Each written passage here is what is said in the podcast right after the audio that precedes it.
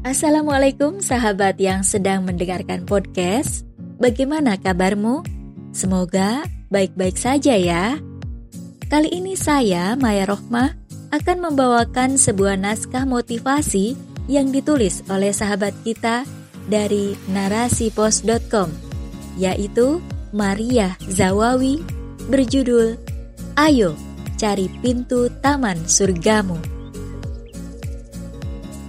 Sahabat, selalu ada hikmah yang bisa kita ambil dari setiap musibah yang menimpa. Begitu pula dengan musibah pandemi saat ini. Pandemi yang mengharuskan semua orang menghindari kerumunan membuat manusia berpikir untuk mencari jalan. Maka, digunakanlah berbagai aplikasi yang memungkinkan manusia bertemu meski tidak bertatap muka. Melalui berbagai aplikasi itu, mereka bisa mengadakan rapat, konferensi, pengajian umum, dan sebagainya. Melalui aplikasi itu pula, mereka yang saling berjauhan tetap dapat bertemu meski secara virtual. Pandemi memang telah membuat penggunaan internet semakin masif. Internet pun digunakan di berbagai bidang, bukan hanya dalam urusan pekerjaan, tapi juga dalam bidang pendidikan. Kegiatan belajar mengajar pun dilakukan dengan menggunakan internet. Berbagai aplikasi yang mendukung tercapainya tujuan belajar mengajar pun digunakan. Ada aplikasi untuk pembelajaran maupun evaluasi secara daring. Melalui aplikasi-aplikasi ini, target pembelajaran dapat diraih, meskipun mungkin tidak sebagus jika dilakukan secara luring tentunya. Penggunaan internet membuat kesempatan untuk mencari ilmu semakin terbuka lebar. Melalui internet, semakin mudah bagi kita dalam menuntut berbagai ilmu, sesuatu yang mungkin tidak kita pikirkan sebelumnya. Dulu, kita harus datang ke masjid atau majelis-majelis ilmu untuk belajar. Namun, semenjak pandemi, majelis-majelis itu tetap bisa kita datangi tanpa harus keluar rumah. Berbagai ilmu bisa kita pelajari, mulai dari ilmu yang berkaitan dengan urusan dunia sampai urusan akhirat. Banyak kelas daring dibuka, baik yang gratis maupun berbayar, yang murah maupun yang mahal. Ada kelas menulis, kelas desain, bahkan juga kelas urusan dapur mulai dari mengatur keuangan, menyiapkan bahan pangan, sampai menata dapur agar rapi dan indah. Begitu pula, banyak kajian keagamaan yang diadakan. Ada kajian bahasa Arab, fikih, adab, usul fikih, tafsir, hadis, dan sebagainya. Bahkan, pesantren daring pun ada. Guru-gurunya tidak hanya berasal dari Indonesia, ada juga yang berasal dari Timur Tengah. Berbagai kelas maupun kajian yang diadakan secara daring itu semakin memudahkan kita dalam mencari ilmu. Kita tinggal memilih mana yang kita suka dan kita butuhkan. Jika ingin menguasai bahasa Arab, bisa ikut kelas belajar bahasa Arab. Jika ingin paham sejarah Rasulullah, tinggal mengikuti kelas Sirah Rasul. Bahkan, jika ingin memperbaiki bacaan Al-Quran, kita langsung dengan syekh atau ustadz dari Timur Tengah pun bisa. Yang dibutuhkan hanyalah kemauan dan kesungguhan kita dalam belajar. Jika kita suka dan merasa butuh, kita akan mengikuti kelas ataupun kajian-kajian tersebut. Sebaliknya, jika kita tidak suka atau merasa tidak membutuhkan, tentu kita tidak akan mengikutinya.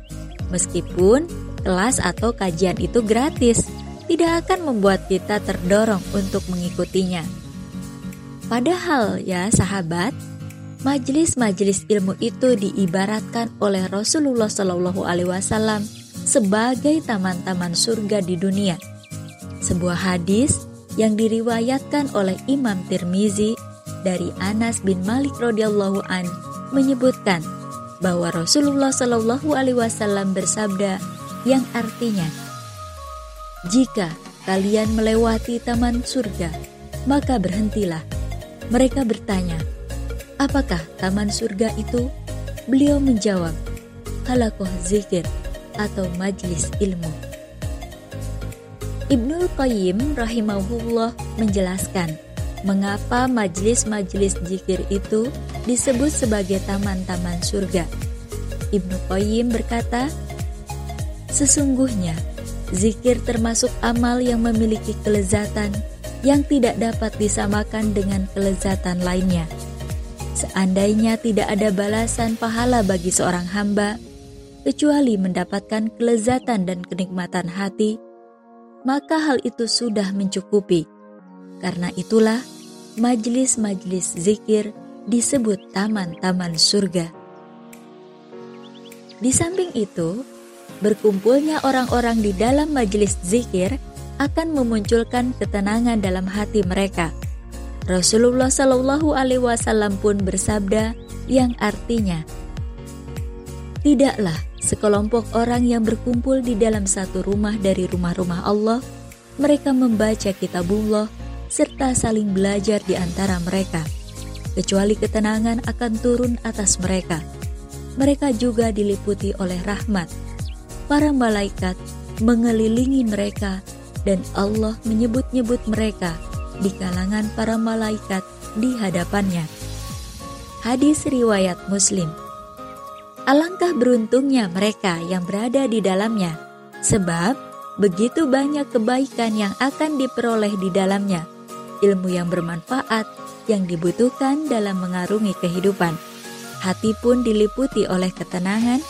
Di samping itu, melalui majelis-majelis itu akan didapatkan teman-teman yang baik, teman-teman yang taat kepada Allah yang akan mengingatkan pada kebaikan dan mencegah dari kemungkaran.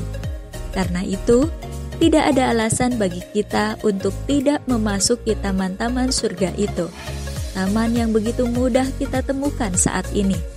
Taman yang bisa kita datangi tanpa harus keluar rumah. Taman surga yang bisa kita pilih sesuai dengan kebutuhan kita taman yang bisa kita jangkau cukup dengan jari jemari kita. Sahabat, tunggu apa lagi? Ayo, carilah pintu taman-taman surgamu.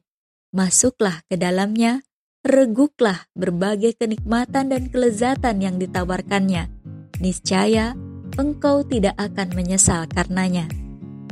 Buanglah rasa malas yang datang menghampirimu, tumbuhkan rasa cintamu pada majelis-majelis ilmu, maka kebaikan akan menghampirimu.